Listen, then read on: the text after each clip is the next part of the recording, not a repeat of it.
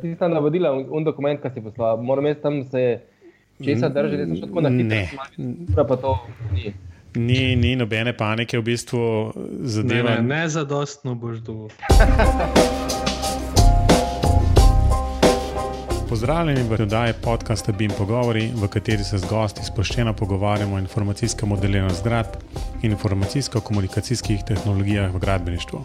Z vami sva Robert in Matejš. Robi. Pozdravljen, Matejš. V današnji oddaji pa lahko v bistvu pozdravljam Mateja Goloba, soustanovitelja agencije Corpo Hub. Pozdravljen, Matej. Uh, zdravo, Matejš. To mislim, da je skoraj prva takšna oddaja, kjer se bomo recimo kar krepko oddaljili tistih stalnic um, BIM pogovorov, kjer veliko govorimo o BIM-u in o tehnologijah in o programih in ponovadi o kakšni infrastrukturi in prenosu podatkov levo-desno.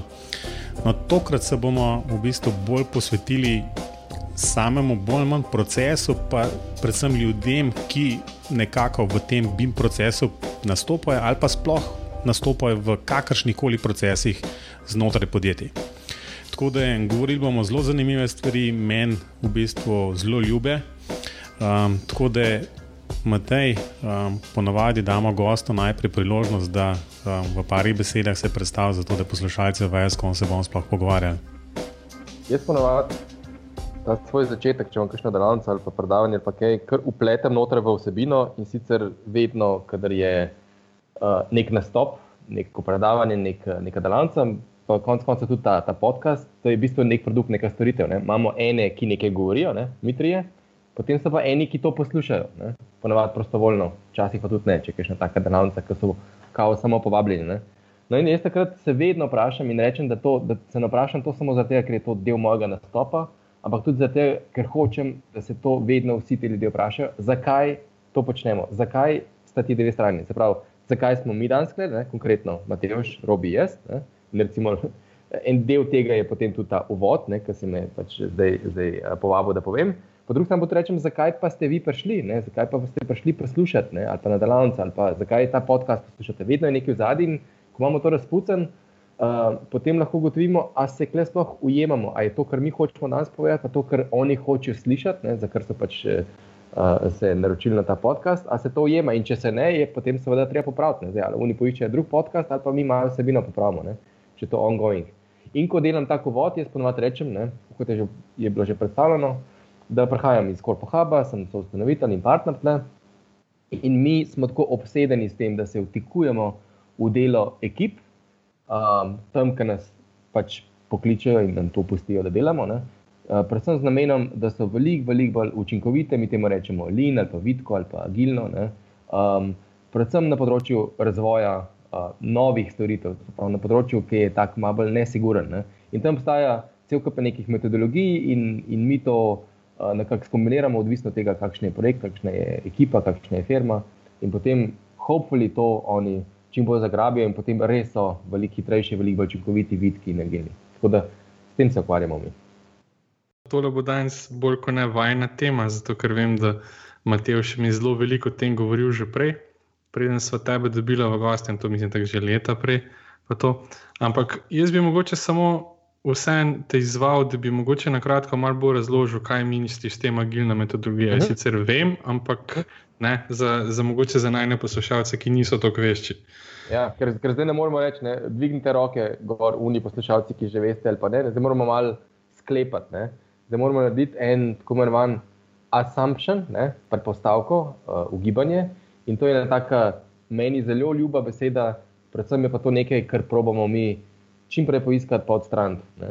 In, in, in moj klasičen slajd, ko imamo delavnice pa predavanja, je, da assumption is the mother of all fuck ups. Ne?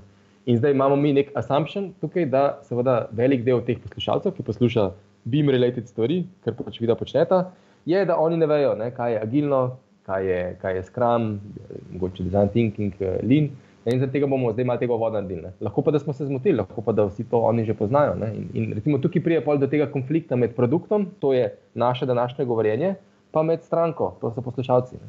Jaz vedno tako uklapljam te metode, te stvari, ki mi delamo, kar v tisto, kar ponovadi počnem. Ne. No zdaj, zdaj, če naredim en tak hiter uh, pregled, pravi, mi načeloma z tremi metodologijami delamo, ki jih mešamo, odvisno od, od zrelosti ekipe po projektu. Na eni strani je design thinking, ki se ukvarja izključno s tem, da pravi ugotoviti, a sploh mi vemo, a obstaja problem, ki ga mi rešujemo z nekim produktom, z neko storitvijo, z neko idejo, z neko start-up idejo, blazno, ko smo hudo ljubljeni. A sploh obstaja ta problem, oziroma je ta problem dovolj močen, a imajo te stranke sploh problem, ki ga mi naslavljamo. Ne? To se v glavnem design thinking s tem ukvarja, skozi nekimi petimi fazami. Potem pa nekako se prelije v lean startup. Lean startup je pa ena taka zadeva, ki je mešanica lina, ki ga poznamo že, iz, iz, že kar nekaj desetletij iz proizvodne, ne? ki gre predvsem za odstranjevanje uh, vseh vrst um, waste, ne? muda je ta japonska beseda, iz proizvodne, se pravi. Waste of time, resources, čakanje, nepotrebne zaloge, nepotrebni koraki. Ne.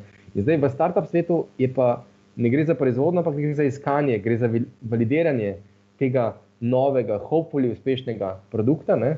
in tudi za iskanje teh assumptionov, teh predpostavk. In to se lahko dela na tak malo bolj efektiven način. Tako se tudi proizvodnja avtomobilov, recimo ta zadeva izhaja iz Lin, in klasično izhaja iz Toyota. Ne? Avtomobile se lahko dela na malo bolj vitek, Lin način ne? ali pa na manj manj. In isto se tudi raziskovanje, testiranje, eksperimentiranje, ugotavljanje, kaj je tisto, kar bo res uspešno ne, od te naše neke nove ideje, ki je tako dosti nesigurna. Se pravi, to raziskovanje se da tudi delati na malo lean, vitek način. Ne. In to se dela z nekim takim uh, lupom, krogom, ki mi mu rečemo build, measure, learn. Uh, nikakor se ne dela končne verzije produktov, ampak tako imenovane MVP, minimum viable product, kjer ti narediš glih tako dober produkt, da testiraš neke kritične predpostavke, oziroma te asamične, za katere veš, da če ne bojo res se ti bo vse sesul, cela zgodba, cel poslovni model. Ne? In to je ta link rok, ne, ki ga potem toliko časa delaš, dokler se ne začne ene stvari potrebovati, oziroma dokler ni tega učenja več. Ne.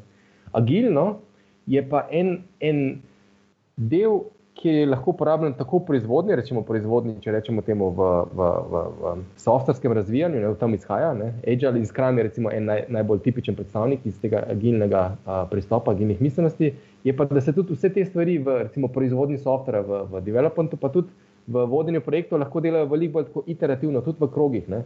Da se vsak dan ekipa v teh eh, tako imenovanih stand-upih po, po, pobrifera, da je vse transparentno, da, da se ve točno, kdo kaj dela, ki se kaj zatika. Imamo tako imenovane te kambane oziroma te. Te table z, z listki lahko so tudi eh, digitalno, recimo Trailer je en tak najbolj problematičen produkt na tem področju. Ne? Skratka, gre za tako zelo iterativno, zelo transparentno uh, delovanje, oziroma način vodenja nečesa, razvoja produkta, razvoja neke start-up ideje ali pa čist klasičnega razvoja uh, softvera. Prav to so nekako te tri stvari. Bistvo je velika transparentnost, tako da vemo, da ne vemo vsega, pa, pa ta kar dost hitra iterativnost, da, da ni, hm, da imamo mi povrati tako imenovane requirements, češ zdaj vse vemo. Ne? in se zapreti za nekaj mesecev, pa boh ne da nekaj let, ne, noter in potem prideti ven tara z nekim produktom, ki v bistvu ne vemo točno, ali bo to to ali ne. ne. Se pravi, iterativnost pa transparentnost. Tukaj si, mislim, da je odprl cel kup enih takih zanimivih vprašanj. Um, jaz bi morda začel na koncu, kjer si ravno to iterativnost omenil in v bistvu te requirements, ki se običajno v nekem, nekem waterfall modelu projektnega vodenja uh, um, začetka poberajo, pa se gre v bistvu po, po teh korakih čez celoten projekt. Tle bi jaz v bistvu, recimo, mrčkam tako proti vtež dal ali pa rekel, da gradbeništvo je ena taka mrčkam specifika napram recimo neki avtomobilski industriji, ne? kjer ponovadi jaz zmeri študentom rečem. Koliko študentov, jih v bistvu vprašam, koliko študentov se je pa v, v, v nekem prototipu avtomobila sploh vozil že, ne? In jasno, da noben ne dvigne roke. Ampak pa rečem, ampak v bistvu mi pa vsak dan živimo, delamo, v bistvu skratka, delamo vse, kar delamo v nekih zgradbah, ki so dejansko prototipi. Je samo ena takšna zgradba, načrtovana, ljudi, ljudje so edinstveni, bili skupina ljudi, skupina organizacij, ki so delovala pri projektu gradnje ali pa načrtovanja, je bila edinstvena. Ne? Zato je morda to mogoče težko razumeti, ne? kaj kje bi se dal to iterativnost upeljati, ampak jasno, skozi vso to digitalizacijo in upeljavo različnih um, načinov dela. Preverjanje digitalnega modela, v bistvu, in jasno, tukaj BIM definitivno igra veliko vlogo.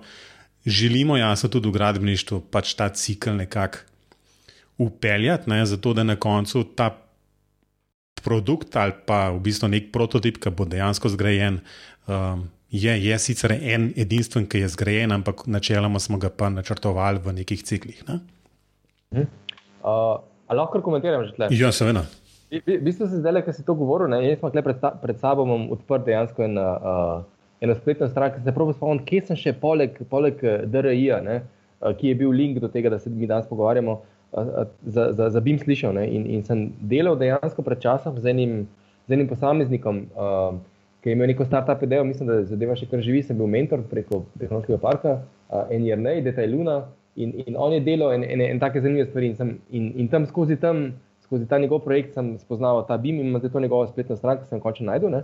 In ko sem to gledal, pa te poslušal, sem rekel, vse v bistvu v gradbištvu, sploh tistem, ki, se, ki je malo bolj ponovljiv. Ne? Dejansko ta agilni pristop, iterativnost, niti ne pride tako prav. In, in mi tudi vedno rečemo, da če je ena stvar že proven, že tested, že, že vemo, da pač tako je in je ta recimo naslednja verzija samo malo drugačen flavor, malo drugačna barva ali pa nekaj manjšega, tam bistveno fulnega testiranja, pa iteracije niti ni potrebna. In recimo na misel me prišla, so mi prišle vrstne hiše. Recimo, če, če, to, če, to, če so to ene vrstne hiše, ki so že bile prej nekje delene, neke druge lokacije, potem sploh ni bene iteracije potrebne. Mislim, ok, mogoče tam vidiš, kaj je bilo narobe, kje je kaj zamakal, pa zdaj to popraviš in potem pa narediš prvo in naprej. Ne? A pa tudi, če delaš mečko drugačne vrste, ko narediš to prvo, tam vidiš ne, za ene stvari, uh, mogoče ki se vse, ko malo popraviš, potem pa vsako naslednjo je pa v bistvu requirements so znani in v bistvu imaš lepo čist, čisti waterfall ne, in, in naročaš vse te faze, ker ne vem, kakšne so vse prvest, ne, pač točno tako, kot bojo šle. Ne. Zdaj drugo, kar pa ni, je pa recimo odziv ljudi na to. Ne. In zelo klasično v startem svetu, in, in tle se mi non-stop srečujemo. Jaz vedno rečem, tehnične težave so sploh pri slovencih, ki smo zelo, zelo inženirski, pa tehnični, še najmanjši problem. Ne? Mi, mi veliko preveč, uh, recimo, naštudiramo, pa da v bistvu ne bo toliko tehničnih težav, da, da bo rešitev bo res delala. Veliko manj, ne? jaz bi rekel 10 proti 90 ali pa ajde 20 proti 80. Pa testiramo, oziroma ugotovimo, ali bo market, oziroma se bodo ljudje, se bodo userji, se bodo stranke dejansko obnašali tako, kot mislimo, za to našo tehnično zadevo, ki jo bomo nekako skrbdali. Ne? In klepa ne moramo tega testirati. In tudi v, v gradbeništvu, recimo, ko ti nekaj novega narediš, ne, ti si rekel, da, da delate recimo, prototipe enkratno zadevo, če so res take bolj arhitekturne stvari. Super, recimo, sej, so, so neke zakonitosti, veš, da bo zadeva stala, da se ne bo sesula, da bo vem, izolacija taka, vem, toplotni mostovi, pa vse te stvari, ki imate. Ne. To, to recimo, se da tudi z, z simulacijami, pa, pa z, z tem arhikedi, s temi stvarmi, ampak ne veš pa do konca, dokler ni niso ljudje noter nekaj časa, nekaj dni, tednov, mesecev, kako se bodo res in počutili in obnašali. In recimo en primer, ki ga poznam, uh, pa je tako zelo znan, je recimo, kako so. Zdaj ne vem, kje je država, ampak zelo, zelo verjetno je ena od skandinavskih, ker tam so največji cari, kar se tega tiče. Res, res. Uh, prav, oni imajo to v krvi, ta način razmišljanja. Ne? Recimo, kako se oni odločajo, kako bojo spalali neke, neke potke tam po nekem parku. Vse sigurno poznate ta primer. Ne? So tako naredili, pač so pustili un, un travnik, ali ne vem točno, koliko se ne spomnim vseh detajlov, ko so nekaj zgradili, neko no, novo ne vem, poslopje in potem so videli, kje bodo ljudje hodili, kje, bo, kje bo večina ljudi vzela, udarila un shortcut. Ne? In potem, ko so videli, kje se je una potka začela delati ne, po, po, po travi, so potem seveda zrisali, cak, cak in naredili lepo asfaltirali, pač, kar je bilo. Ne? In so, in so v bistvu na ta način prototipirali, oziroma testirali, ne, kako se ljudje obnašajo. In zdaj pa dam en primer in sem fulj vesel, da imamo zdaj to priložnost, ker bom javno povedal, da tudi ime dal. Um, tlele, jaz sem na Viču in, in, in eh, pisarno imamo pa v tehnološkem parku, kar pomeni, da se vedno klele po tej novi cesti Rečega križa, uh, ki gre od, od Tržaške spodi po tistim novim uh, pozom do, do tja. Ne? No in tam, tam, tam je tudi en nov hofer, mislim, nov, zdaj je že, že nekaj let. Ne? In, in tako, zdaj so ga malo razširili. In jaz, ki se tam vedno mim vozim ali pa hodim ali pa s kolesom grem, ne, opažam, kaj se je zgodilo. Ne. Čez cesto so seveda tam pospešeno zdaj, le, vama je to verjetno eh, veliko bolj znano kot meni, ne, zgradili ogromno, ogromno stanovanj. Ne. Mislim, da je delo Uni. uni, ja, uni stanovanski sklad. Stanovanski sklad investitorja, prek Murci so delali, mislim, da je pomgrad je delal. Pa, pa, pa zdaj se ravno nekaj s tem zelenim gajem dogaja, ki je bil štrabak, pa glavno tako, večkrat sledim te stvari. Ne. No, v glavnem, kar naenkrat je tam zdaj ful ljudi, ful družin, ne, pa predvsem družin, ki so nas sklad zadele za, za družine in oni zelo veliko trgovino hodijo. Ne. In jaz vidim tam, kaj se dogaja, in tisti, ki je pa načrtoval tale hofer, ne, pa očitno ni upošteval tega. Ne. In imaš tako, da če hočejo vse tiste blazne družine iz unih blokov prideti do Hoferja, uh, načrtovano je, da bodo oni šli tako okrog, ne, do tam, ki je pač unastezica, in valjda ne grejo. Ne. In valjda je non-stop tam zrito in blatno, in kaj sem jaz naredil, ne. to je pa uno, ki smo mi pred začetkom tega podcasta uh, pogovarjali, ne, da pač eni naredimo en korak, ne, eni pa, pa večina pa ne, ne. In jaz sem seveda to slikal. In poslal Hoferju, ne, sem rekel, a lahko to uredite, ker drugače pa ste imeli tukaj skozi blatno. Tle je, ne vem, tisoč ljudi zdaj na novo preseljenih ne, in skozi bojo tle hodili, naredite tle potko. Ne. In potem uh, Hofer je sicer full fine, ker odgovorijo v nekem doglednem času, za razliko od kakšnih drugih firm, ne? ampak je bilo tako. Smo poročili vodstvo, ne nekaj tak, tak dosto uradni odgovor je bil in kao, da, da, mislim, da je bilo tako rečeno, da ne bojo nič naredili ali da bojo pretehtali možnosti nekaj takega. Glavno, pa to je bilo zdaj že po moje ne dve leti nazaj. Ne? In, in jaz jim bom zdaj še enkrat uh, slikom rekel, da še vedno je ta blatna pot tukaj ne, in, in naredite nekaj, če hoče, da je cel experience, ker vsi zdaj delamo na tem customer experience. Ne. In je fajn, customer experience je dober, imajo fu reklame, je vem, visoka kakovost, nizke cene, vse skupaj, ampak tam je pa undrek blaten.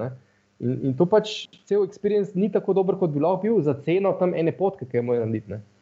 Jaz bi tukaj rekel najprej, da sem fully vesel, da imamo nekoga, ki gleda tako čist izven naše domene, zato ker bi te najprej, ker tam bi se ustavil pri ta prvi stvari, ki si jo razlagal v vrstnih hišah. Ker ja. ta prav gradbenik v meni ne more brez tega, da bi rekel, da to ni tako preprost. Eh, če neč druge so lokacije, druge pa zahteve, druge pa tako naprej, ker v bistvu imamo težavo v tem, da nikoli niso iste zahteve. Ne? Ti govoriš uh -huh. o mhm. requirements, ki bi ne bili isti, ne pa niso, ne? ker če neč druga imaš soseda druga ali pa mhm. parcela je druga, ali pa kako koli. No. Um, ampak se pravi, je pa zanimivo zaradi tega, ker ti vidiš stvari pač brez mej. Ne? Mene, mene mhm. spominjaš na enega tega arhitekta, ko vidi pač prostor brez sten, ne? Pa, pa mi pač rečemo, ne gre. Ne? Tako da mi pa, mi pa to malo ustavljamo. Uh, ampak v bistvu, ko mi je Mateoš predstavil. Um, Idejo o tem pogovoru, ne, me je v bistvu totalno dobil na, na svojo stran, ko je rekel, da, da v bistvu bi lahko ti predstavil, kako sploh poteka tako vajanje, ni takih velikih sprememb, pa čisto od spodaj na vzgor, ker to v gradbeništvu je to zelo počasi, pa mi pravimo, da je to mhm. počasi, industrija, pa marsikaj se ne da, pa tako naprej. Ne? In zdaj, um, ne glede na to, da praviš, da ne veš, kaj je dosto obimo, razen teh izkušenj, ko jih imaš s temi par posamezniki, ne? Mhm. uh, pa verjetno si že videl, kje bi bile pa neke take priložnosti, ker bi se pa lahko gradbeništvo ali prek BIM ali kako druge, priključili na ta vlak, ki bi potegnil naprej. Um, si mogoče kaj razmišljal v tej smeri? Um, konkretno, zdaj, če sem razumel, je kako ene take spremembe od bottom-up, uh, pa tudi od zgori, uvajati, prav, paralelno narediti z, z, z stvarmi, recimo, ki jih mi počnemo, pa Pa, pa prvo, da se nekaj take stvari. Ja, ja, ja, v bistvu, če mogoče sam še jaz eno dodam, no, ker, ker je bilo to tudi, recimo, en, ki si pač začel okoli razno raznih metodologij in večkrat omenil neke startupe. Ne. Um, jaz mislim, da lahko rečemo, da najbolj slučajno poslušalci dobili nek napačen vtis. V bistvu tudi, jaz mislim, da lahko tudi neko uvajanje neke nove tehnologije in recimo, da bi mi je v neki takem procesu uvajanja v, recimo, v, obstoječe, v obstoječe podjetja, lahko v bistvu dejansko smatramo kot nek startup ali pa v bistvu vsaj neko, kot neko resno transformacijo en, ene pač organizacije v neko drugo obliko.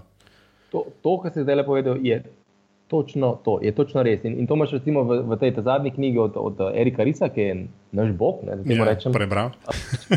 ja, on, on je tako, uh, mislim, on je fajn človek, predvsem zelo, zelo moteče jezik. In ko piše, in ko govori, in je fulj, ga je fajn poslušati. In načeloma um, ne govori kot bistveno mnogo, da bi si on kaj spomnil, on je pač pobral te stvari skupaj, ampak zelo lepo zloži in zelo lepo pove te stvari. Ne? In je nekako najbolj viden predstavnik uh, uh, tega celega gibanja, vidko, lin.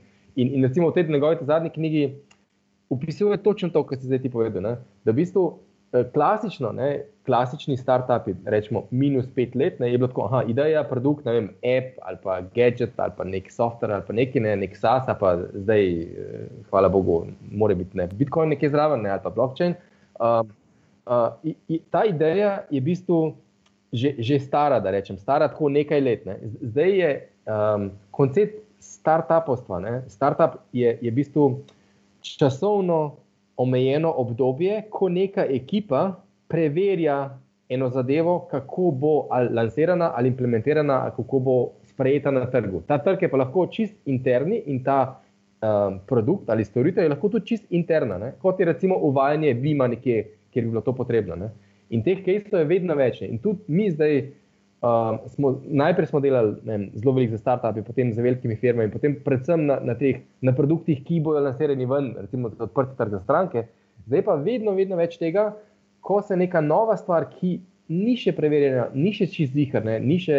Um, uh, uh, rečemo, testirana na notranjem trgu, hoče lansirati na notranjem trgu, se pravi, zaposleni, ne? neka nova stvar, nek nov pristop. Ne? Recimo, mi smo z enim, uh, povem, ne? za Telekom, ne pa za partnerjem našim, smo delali ene, ene take podobne zadeve in, in je skozi eno vajo, en design sprint, mi temu rečemo, je prišlo ven, da bomo delali na izzivu, kako konkretno pri njihovih prodajno-projektnih ekipah nek način uh, uh, vodenja uvesti noter. Ne? In recimo to, to ne gre v današnjih časih, bolj kaj zadeva tako komplicirano, ne gre več ta star način. Češ, direktor je rekel, poslal en mail, ne, dal na, na CC 22 ljudi in to bo zdaj karton. To danes ne gre več in to je jasno vsem že, in direktorjem, in lastnikom, in menedžerjem, in menedžerjem, da to ne gre več tako. Ljudje sicer lahko kimajo, potem bojo pa na takšen ali drugačen način, če niso tega sprejeli za svoje, ne, pač tega ne delali. Ne. In zaradi tega je treba to testirati. Reči, hm, lej, mi smo si zdaj zamislili, da bi bilo to na tak način, potem pa s temi iteracijami, s tem preverjanjem, temu rečemo en customer discovery, testing, validacija. Ne, preverjaš, kakšna pa bi bila tista verzija, ki pa bi bila dejansko zares sprejemljiva na tem notranjem trgu, um, da bi ga potem uporabljal. In tle je od messaginga, kako ti to skomuniciraš, do kako jih vključuješ, do kako začenjaš, ne, ne uno na veliko, ker vsi departmenti zdaj le na polno od ponedeljka do 8. zjutraj zdaj to tako delamo, ker ne bo, ker, ker bo revolt. Ne. In recimo, če naredim zdaj paralelo, pa počasi odgovorim na to vprašanje, je, je, če se je izkazalo do zdaj, ne, da je recimo neki, rečemo temu, starejši ne, iz 90-ih let pristopil v smislu, menedžer je rekel, je poslal en mail, tako zdaj bo, ne, izkazal, da ne dela, ne, potem rečeš, aha. Super, no, to je verzija ena, ki se je na notranjem trgu izkazala, da ne dela. Verzija ena lansiranja tega produkta, tega pristopa, uporabljanja BIM-a. Rečeš, hm, Dajmo se mi malo pogovoriti z ljudmi, kako pa bi, na kakšen način pa bi oni, kje pejne imajo pa oni, da jih mogoče ta naš bin lahko odpravi. Ne? In potem ti pivotiraš za pristopom, pa tudi s tem, kako boš začel. Ne? In v bistvu vse te uvajanja internih stvari v organizacijo, ki seveda um, s tem povzroča neke spremembe in odpor, ne? to je vse lahko stlačimo zdaj v, v koncept startupa, ker dejansko je. Ne? Startup je nekaj, kar je sigurno, ker ne veš a bo sprejeto na trgu. In ta trg je zdaj v narekovajih, ne, lahko čist pač interna populacija nekih, nekih zaposlenih, ki bojo nekaj sprejeli, uporabljali ali pa ne. ne. In seveda, če ti ne, kot nek strokovnjak veš, da je nekaj dobro za njih, to še ne pomeni, da so oni to sprejeli. Um, je pa seveda, recimo, ne, skozi raziskavo, pa skozi kejse. Jasno, da če jih boš prepričal na tak ali drugačen način, tako kot prepričaš ljudi zunaj na trgu, da uporabljajo tvoj produkt, ne, uporabljali to, bo to seveda na dolgi rok, na srednji rok dobro za, za njih, za firmo, za ekipo in tako dalje. Sam moraš vsem to, ta market approach narediti. Ne? In to, to je recimo kar precej novo. Ne? Za veliko ljudi reče, kako je, ja, pa se pri nas, pa se to pa, če, če un reče gor na vrh, to tako mora biti. Ne? Ja, no, a gremo skozi dokaze, to ni tako, ne? in obstajajo drugačni eh, pristopi in primeri. Ne? Tako da, absolutno se strinjam. Veš, kaj me zanima? Zdaj, ko tam tako malo poslušam, se mi zdi, da imaš tako ogromno njih izkušenj, ker jih tudi tako deliš mal, uh, z nama, pa najnižji poslušalci. Ampak mene bo zanimalo, koliko delaš s kakimi podjetji iz industrije, ki bi bila vsaj podobna gradbeništvu, ker pa nas pač velja to gradbeništvo bolj kot ne, um, ne vem, cannot do industrija, ne? vsaj v Sloveniji. A, a obstaja še kakšna druga podobna, pa da bi mogoče kakšne paralele s tako industrijo um, potegnili? Mislim, če si delo mogoče skrbeti. Ja, ja, ja. Ne, ne, uh, vedno bolj se odpira ta trg. Ne? Zdaj, recimo, tako, ko se pogovarjamo o tem, zdaj tudi uh, na, na par drugih tujih trgih, uh, malo skeniramo, pogledamo, kako so tam zreli. Jaz kratko lepo povem iskreno, da, da v Sloveniji se je, kar se tega tiče, zdaj zelo, zelo odprlo. Zdaj so tudi precej regulirane industrije, ne? kot recimo se, ne, Telekom in ostali operaterji, pa še samo noter. Pa recimo s petrolom delamo tudi, kolik, ima, bistvo, en del posla tudi precej reguliranega. So tako, recimo banke so še tiste, ki se še najbolj nazaj držijo, čeprav ne čisto, ne, kaj še malo poskušajo, kaj še mi hekato ni pa to. Ampak tam je, tam je tudi zelo tako. Ne? uh, se čuti že v komunikaciji, da je tako, da so v smislu tega načina še malo zadnji, ker jih tudi gre za razumeti. Imeli so eno fulvo veliko krizo, ne? Pa, pa kljub temu je kle predvsem bolj regulirano kot je druga. Ne? Ampak recimo tudi kakšne take malo bolj uh, tradicionalno inženirske firme, recimo mi smo zdaj delali eh, z, konkretno zdaj eno, eno, eno zanimivo stvar počnemo z Iskratelom, pa, pa z Iskrajmen, ko smo imeli ene stvari in tam, tam tudi čutiš, da je tako, da, da je da je zelo še prisotno uno. Ne? Ja, zelo veliko stvari smo delali na tak način, in na tak način smo bili dokaj uspešni. Zaradi tega je veliko skepse v smislu, da uh, ta mal drugačen, start-upski način, to ne vemo čisto, ali je to res dobro za nas ali ni. Da, to bi recimo te, kakšne take mal večje uh, inženirske firme, je, je, je tako še najbližje temu. Ali pa če, če rečemo po, po, po regulativi, ne, so pa potem banke. In, in tukaj tudi zdaj, zdaj, zdaj, zdaj na banko uh, začenjamo neko zadevo in je tako, gre zelo tako previdno, predvsem moraš pa zelo podpreti z, uh, z številkami zadnji. Um, recimo tudi en, ena zadeva je en, en tak, uh, ena taka stvar, ki nam je zdaj v zadnjem času zelo, zelo všeč. Je Google Aristotel uh, uh, projekt. Ne? Ne, če ste to slišali, oni so par let nazaj delali, so hoteli ugotoviti in so imeli raziskavo, mislim, da dve leti so delali, kaj dela tiste njihove najboljše time, ne? toliko boljše od njih, poprečnih. Pa lahko vemo, ne, da v Googlu so načeloma vsi že itak zelo dobri, ki imajo tako dober filter. In so, in so pogledali, mislim, da 180 timov ali nekaj tasga, je, je vse javno napisano, to je zelo dober članek v New York Timesu. Je. In so gotovili, ugotavljali, ugotavljali, kje so kakšni vzorci, Petr, niso nikakor odkrili. In da bi se to, kako je sestavljena ekipa, so sami introverte, se take, se uni, da nič bistvo, ni tako bistveno uh, uh, vplivali na to, da je, ti, da je tim res top performing. Ne. Dokler niso potem na koncu ugotovili, da ena stvar, pa kljub vsemu, se je izkazala, da vpliva in to bistveno bolj kot vse ostalo, na koncu nekih pet teh kriterijev imeli. In ena stvar, uh, ki so jo izpostavili, je bila tako imenovana psychological safety. Ne. In to je ena taka čist soft stvar, ne, so, do katere so prišli v taki zelo hardcore Silicon Valley, numbers are everything uh, kulturi. Ne. Ampak so prišli cel krok nazaj do tega, da je v bistvu ta psychological safety, ki je tudi ena tako dosti še neznana zadeva, ker je pač tako softne in resne firme, ki imajo hardcore številke v zadnji, pa KPI-je, pa ne, profit and loss in te stvari. A veš, je ta soft, ok, to se malo kadrovska, občasno nas malo počasi še na delavnici, da gaš pa to ni resna stvar. Oni so pa gotovili, da je to tako pomembno. Ne?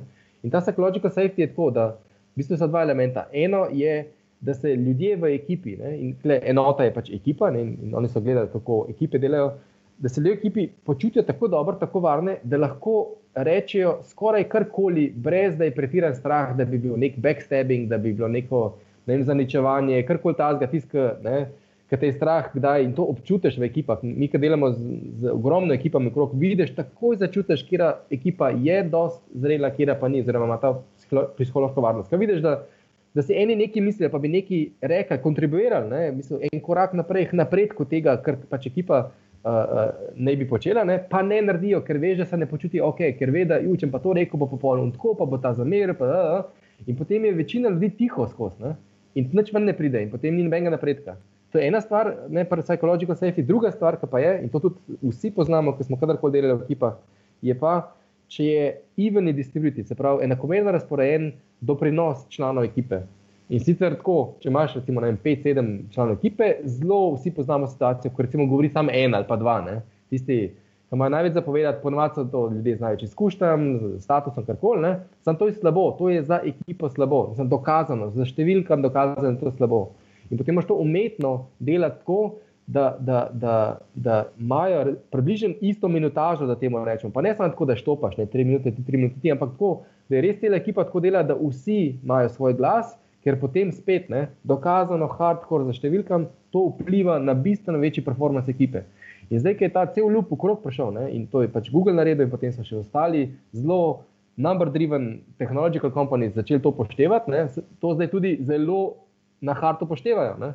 In, in to tudi mi, seveda, delamo. In, in vedno, ko delamo z, z ekipami, ne, eno so te metodologije, design thinking, lean, agile, vse te stvari, ampak jaz vedno rečem, to vse skupaj je čist brez veze, če vi ne boste poštimali ekipe. Ne. In pri kakšnih ekipah se to začuti. Jaz kar rečem, ta ekipa ni v redu, ne diha v redu, ne čuti se dobro. Morate to poštimati, ker drugače ti se brez veze. Lahko si naredimo mi velika ambana, pa listko pa to pa ne bo delal, ker ne bo iskrenosti, ne bo transparentnosti, ljudje ne bodo dali sebe noter. In ker ne dajo sebe noter, ekipa ne živi. Da, to, je pa, to je pa ta drugi del tega. Ne? Matej, dajmo kar nehati. Ne? Um, zaradi tega, ker z drugimi stvarmi, zaradi tega, ker te lahko tukaj na tem vrtam, v bistvu zdaj tako za ene, dva podcasta. Urobi najbrž ve, zakaj. Jaz bi, jaz bi rekel tako, ne? da v bistvu absolutno se strinjam s tem. Ne? To je približno kot s tehnologijami. Um, te absolutno lahko uvajaš ne vem, kakšne tehnologije, če ljudje ne stojijo za tem. Ali pa konec koncev uvajaš lahko agilne metodologije, Lean, Scrum, ni da ni. Ne? Če ljudje niso odprti, pripravljeni na spremembe, um, dejansko se po, ne počutijo varne, ne? Um, potem je vse, vse skupaj v bistvu brez veze. Ja, um, Samo to še dopolnim. Ne, ne pozabiti, da imamo poslušalce tam, ki morda niso tako zelo noter v tem, pa niso vseh teh knjig prebrali, mi. Uh, to se je spremenilo zdaj, v zadnjih, da bom rekel, mimo žgal, 10, 15, 20 letih. Ne, ko se je tudi delo tako spremenilo. Da, danes je tako bistveno, da, da so ljudje ok, vse ta psihološka safety, pa vse to, da je to ok, ker sicer od njih ne bomo dobili to, kar danes rabimo. Včasih, ker je bila proizvodna, ne, vse še vedno je zdaj veliko proizvodne, ker si ga ti tam postavil, pa si rekel, zdaj boš pa delal 8 ur, klele boš premikal tole sem in potem boš to zabil in pritisnil ta gumb in boš to delal 8 ur. Tiste je bilo zelo lahko kontrolirati in nadzorovati, in tam ni bilo treba nič tega soft, pa neki safety, pa to. Lej, to ti bo rekel, če naš to delo bo šel. Ne. Zdaj pa moramo tako delati, zdaj je bistveno drugačen fokus na teh ljudeh. Ne. Tako da to je treba povedati, da to je zdaj recimo, novo, zato ker je zdaj pač treba tako z ljudmi delati, drugače pač nimamo nič od tega. Ja, ampak v bistvu tisto, kar meni dejansko zdaj mislim, kot rečeno, se absolutno strinjam. Ne? Ampak jaz bi tako.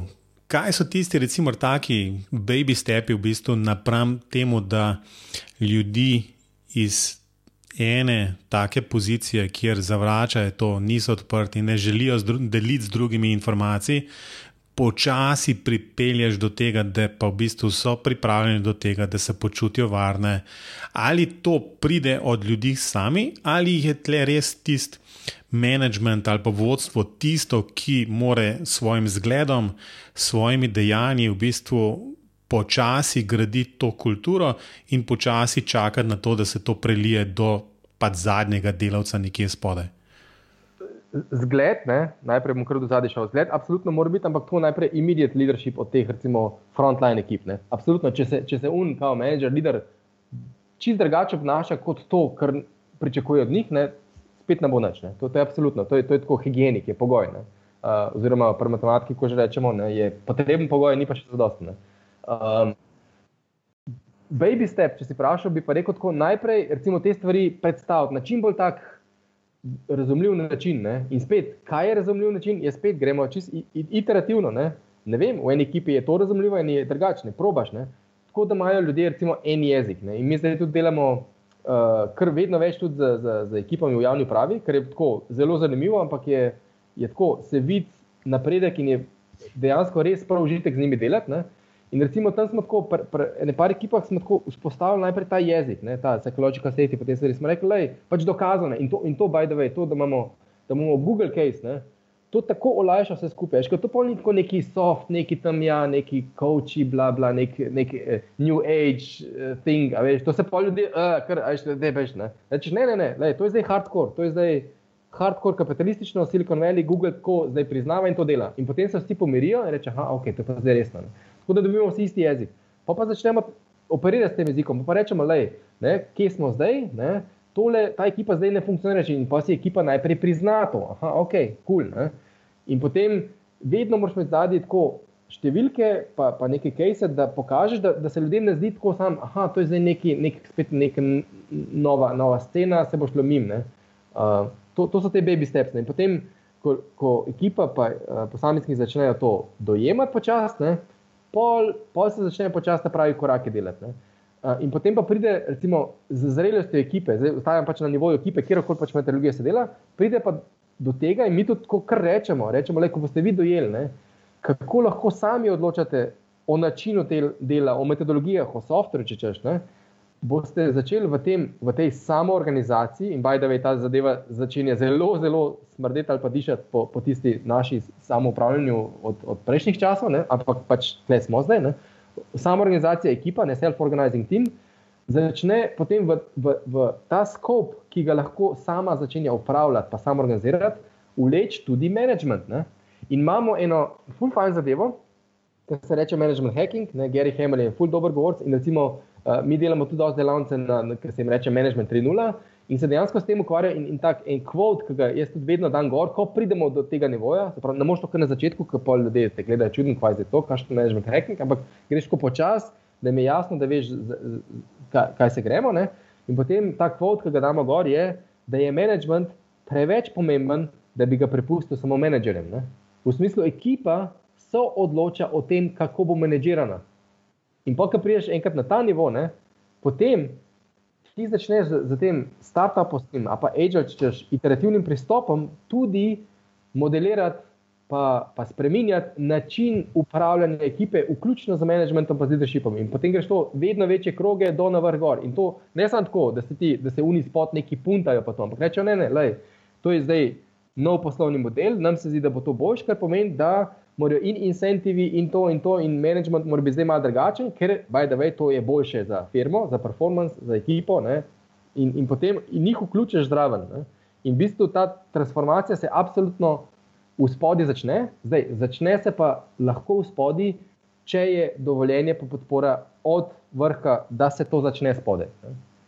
To, to, to, to je en tak, en tak trik. Je, Zgoraj mora biti dovoljenje, da se lahko spodaj začne ko nekako smo mi zdaj ugotovili po, po, po kar velikih teh projektih. Ne? Da v bistvu samo v spodnji nekaj začeti je zelo na trhnih temeljih, zato ker se lahko hitro zaduši od zgori. Če pa od zgori jim poveš, da imajo isti jezik, pa reče, ampak v spodnji se bo pa začel, potem ima pa kar velike šanse. Vmes, ko si govoril, sem se takoj sprašal, kako bi se to dalo aplicirati tudi na izobraževalne organizacije, ampak to je mogoče kakšne debate za drugič, kaj misliš, Mateoš? Ja, ampak vse v bistvu izobraževalne ima pač neke specifike, ampak mislim, da bi se tudi to dalo, ampak um, kot si rekel, v bistvu lahko pustimo to za kdaj drugič. Um, tako da, da ne bomo predolgi. Mislim, kaj se vem, jaz, jaz bi tole govoril še do jutra zjutraj, ampak vem, da Matej, ti nimaš časa. Um, še kdaj drugič te bomo mogli počasi zapreti, drugače pa lahko, ja, mislim, kot podcast ali pa, ali pa se, se bomo sigurno še kje srečali. Pa, pa Ampak te, te stvari se zdaj, zdaj na polno odpirajo posod in, in, in jaz sem vesel, da se na, na več različnih koncih o tem govori, ker potem je tudi vsem unim, ne, jaz temu rečem, pockets of resistance, ne, ker so pač zdaj, pa jih je vedno več, veliko lažje. Ne, ker tudi zdaj, recimo, mi smo klej en tak medijator, ki rečemo, da vse to delajo pa tam, pa tam, pa tam in imamo teh velikih kajsov in, in potem je vsem tistim lažje, ki lahko pa to rečeš, pokažejo s prstom pa rečejo, vse oni tudi tako delajo. Ne? Najlažje je pa vsem nam pokazati prstom na Google. Ne? Veš, Google pa vsi častimo, ne častimo kot, kot uh, eno, eno zelo veliko dobro firmo, ki je Meratal, ki načeloma dela ta prave stvari in če zdaj se oni tako grejo, ali pa mi res ne delamo nič narobe.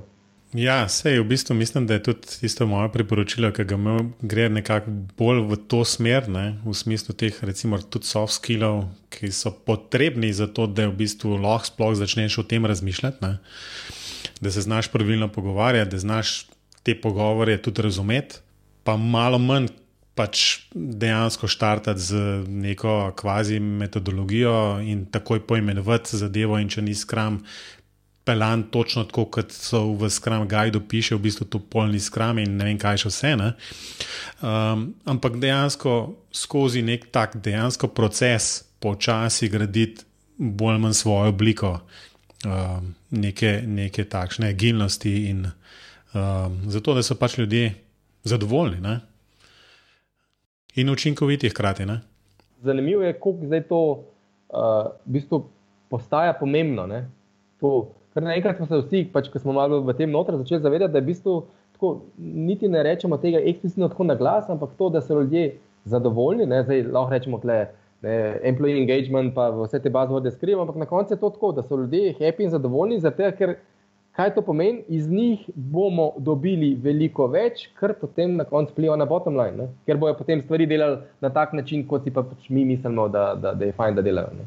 Tako da To, to je zdaj, mislim, načeloma je to en tak dober čas, v katerem smo. Če, če to zdaj res, vse res, ne? da se nam izkazali čez nekaj let. To... to bo tako, čez deset let bojo rekli, kaj so te govorili tam 2017, 2018, jo pa kaj tist, tist, tam, tam so se pri Google, ti smo se zmotili za eno decimalko v bistvu.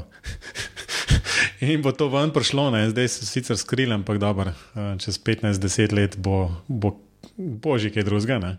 Ampak... Če, če res verjamemo v te naše stvari, potem je tudi to čist uh, uh, dopustno. Ne? Ja, absolutno. Um, mislim pa, no, da če zaključimo v bistvu ta del, predtem gremo na priporočila. Tle, sm, tle v tele zapiske, oziroma pač to, kar imamo mi pripravljeno, sem dal tudi. To schemo, nekako BIM procesa, ne? mi dva z Robijem se ponovadi hecava, kaj to je BIM proces ali je BIM model ali karkoli že, ne? ampak na vsak način je proces. Ne? Ampak dejansko to je, to je pisano na kožo, v bistvu um, tem agilnosti in tako naprej. Dejansko težava, ki jaz vidim pri, v, v podjetjih na splošno, je v bistvu ta pač nepripravljenost na to odprtost, transparentnost in um, pač na tak dejansko. Način del, drugačen način dela, kot smo ga navajeni, vključno z mano. Ne? Da ne bo kdo mislil, da, da, da se pa jaz postavljam ven in rečem, da sem boljši od vas. Ne? V bistvu sem enako kriv kot vsi ostali. Ne? Noč, um, jaz um, šel na priporočila, um, Matej, imaš morda kaj takšnega, da um, je udarno za, za, za naše poslušalce? Tako, tako bi rekel, tako zelo generalno bi rekel. Ker, ker mi, recimo, mi delamo tudi, uh, doskrat pripravljamo uh, ljudi, ekipe na, na, na piče. Ne? In potem ljudje, pa, pač mene poznajo tudi potem, da sem delal uh, nekaj let uh, TEDx dogodke in pripravljal tudi govornike za, za, za na TED odr, za na TEDx. Ne? In pa me vprašajo, kako je, kaj dobite, pa vse. Pa rečem, ne, lej, samo ta, ta generalka, samo ta vaja pred vzorcem publike, ki jo boš imel. Ne? In to, to lahko potem ekstrapoliramo tudi na, seveda, kom, kom, kompletno na, na startup, na uvajanje stvari interno v firmah, karkoli. Se pravi, ko nekaj hočeš narediti, uvesti eh, lansirati karkoli, da je plis najprej vzam en vzorec, ne, zdaj enega po enega ali pa po par naenkrat in jim samo povej, predno boš to na veliko šel. Ne, samo reči, jaz bom tole naredil, zdaj, ali tole poslal, tole napisal, tole lansiral, tole ne vem, karkoli. Vedno dej testiri na vzorcu tiste populacije, na katero ciljaš. Zdaj, ciljaš, ali je to negovora, delavnica, ali je produkt, ali je uvedba, ne vem, bima, karkoli. Dej se tako bistveno več pogovarjati, kot misliš, že je že dost, za tistimi, ki bo na koncu ciljna publika, za karkoli. To je moje priporočilo edino. Se pravi, karkoli zdaj delate, da je nekaj novega, nekaj drugačnega, kar še ne veste točno, ali bo sprejeto ali ne, da je plis, predno lansiraš, predno zaprošaš za nek budžet, karkoli. Vzem vem, dva, tri od tiste ciljne publike, karkoli že počneš, in jim sam predstavljam, tako čist neformalno, privatno reči: I'm about to do this, povej mi, da mi feedback. Ne? naredite to čim večkrat, ker to se fulpro malo dela. In, in to je tako zelo, zelo splošen svet, ki potem lahko se manifestira čisto v, v ali, ali pitch predavanje, ali startup ali karkoli. To, to je moj nasvet, ki je vedno uporabljen. Super. No, se nekaj takega, tale najem podcast. A je. Pičeva tistim parim ljudem, ki tole poslušajo. potem boš šla na veliko, potem boš pa kupila dve strani v delu, pa, pa ta glavne. Recimo, ne. Ja, no, ali pa pop TV prevzela. Robi, imaš kaj, slučajno? Ne, danes se bom zdržal priporočilom, ker vem, da imaš ti zagotovo ok. A, absolutno, v bistvu. Skratka, jaz imam v, v luči tega današnjega pogovora pripravljeno v bistvu priporočilo eno knjigo. Um, Kerry Peterson je um, um, avtor, knjiga ima pa naslov Crucial Conversations. Skratka, Jaz sem avdio knjigo preposlušal, super zadeva. Um, kot rečeno, moram reči, da bi moral vsaj osebno poslušati na vsake 14 dni. Zato, ker je polna enih nasvetov, kako sploh pristopiti k recimo, pogovorom, ali pa tudi pogovorom, ki, tako, ki, ki, ki so relativno težki. Um, od tega, da ne moreš nekomu povedati, da je nekaj narobe naredil, do tega, da ti to sprejmeš.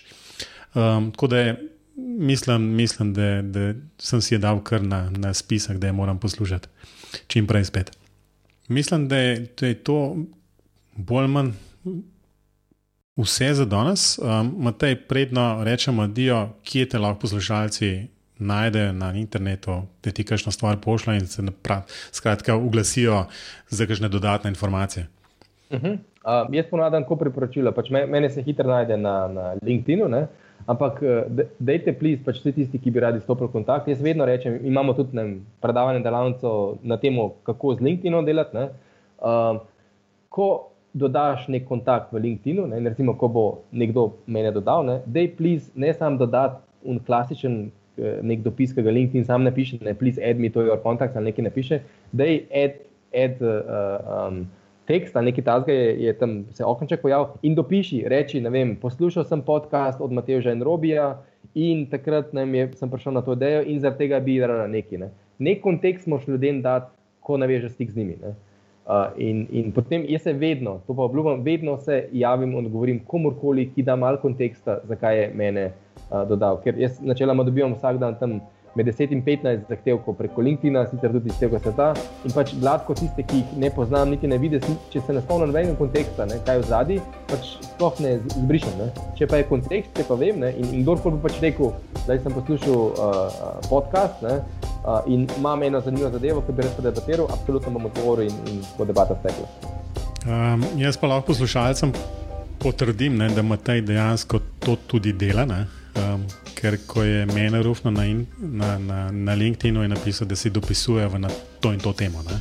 Tako da absolutno pomaga, ker danes sem enega dodal na LinkedIn in sem točno to upošteval. No, super. ja, sem se že nekaj naučil. Um, no, jaz pa to že odprej delam, pa bi sam to rekel, da bom preskočil Mateoža. Mene tudi lahko najdete na LinkedIn-u, tudi napišite, odkot me poznate, pa zakaj bi me radi poznali, ker drugače tudi pač ne dodajam. Če sem zelo dobro volje, jaz vprašam, odkje se poznam, ampak če ni odgovora, pač ne potrdim. Uh, drugače pa še vedno velja, Robert Afna, klinc.net ali pa na Google, zagotovo me boste našli. No, mene še vedno na, na spletni strani mateždolenc.com. Um, link, LinkedIn tudi imam, um, ponovadi zelo, zelo temeljito to ignoriram, ampak se bom popravil.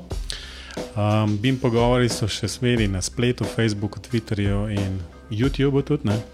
Um, ja, Matej, še nekaj. Absolutno. Moram povedati, da so dobila eno pismo oziroma en e-mail seme je, ne? zdaj pa upamo, da bo se sam kot elit začel. Ja, res je. Um, super zadeva, hvala um, za, za e-mail. Um, ampak to zasluži v bistvu objavljeno na Facebooku. Zadnjič sem obljubil, da bom, če dobim kakšen e-mail, da bom kaj objavil na Facebooku. To, tako da pričakujte kaj več na Facebooku od mene. Um, jaz bi se za konec še enkrat zahvalil, Matejo, v bistvu, da si vzel čas. Um, nas dejansko pojasnil, pojasnil zadeve um, okoli agilnega in lin pristopov, in ni da ni. Um, mislim, kot rečeno, bi se jaz rad pogovarjal z njim še tako, še ne dve ure, ampak morda kdaj drugič. Na tej res najlepša hvala za tvoj čas. Hvala vam, je bilo veselje. Um, neč, um, to je vse za danes. Um, kmalo se spet slišimo. Adijo. Adijo.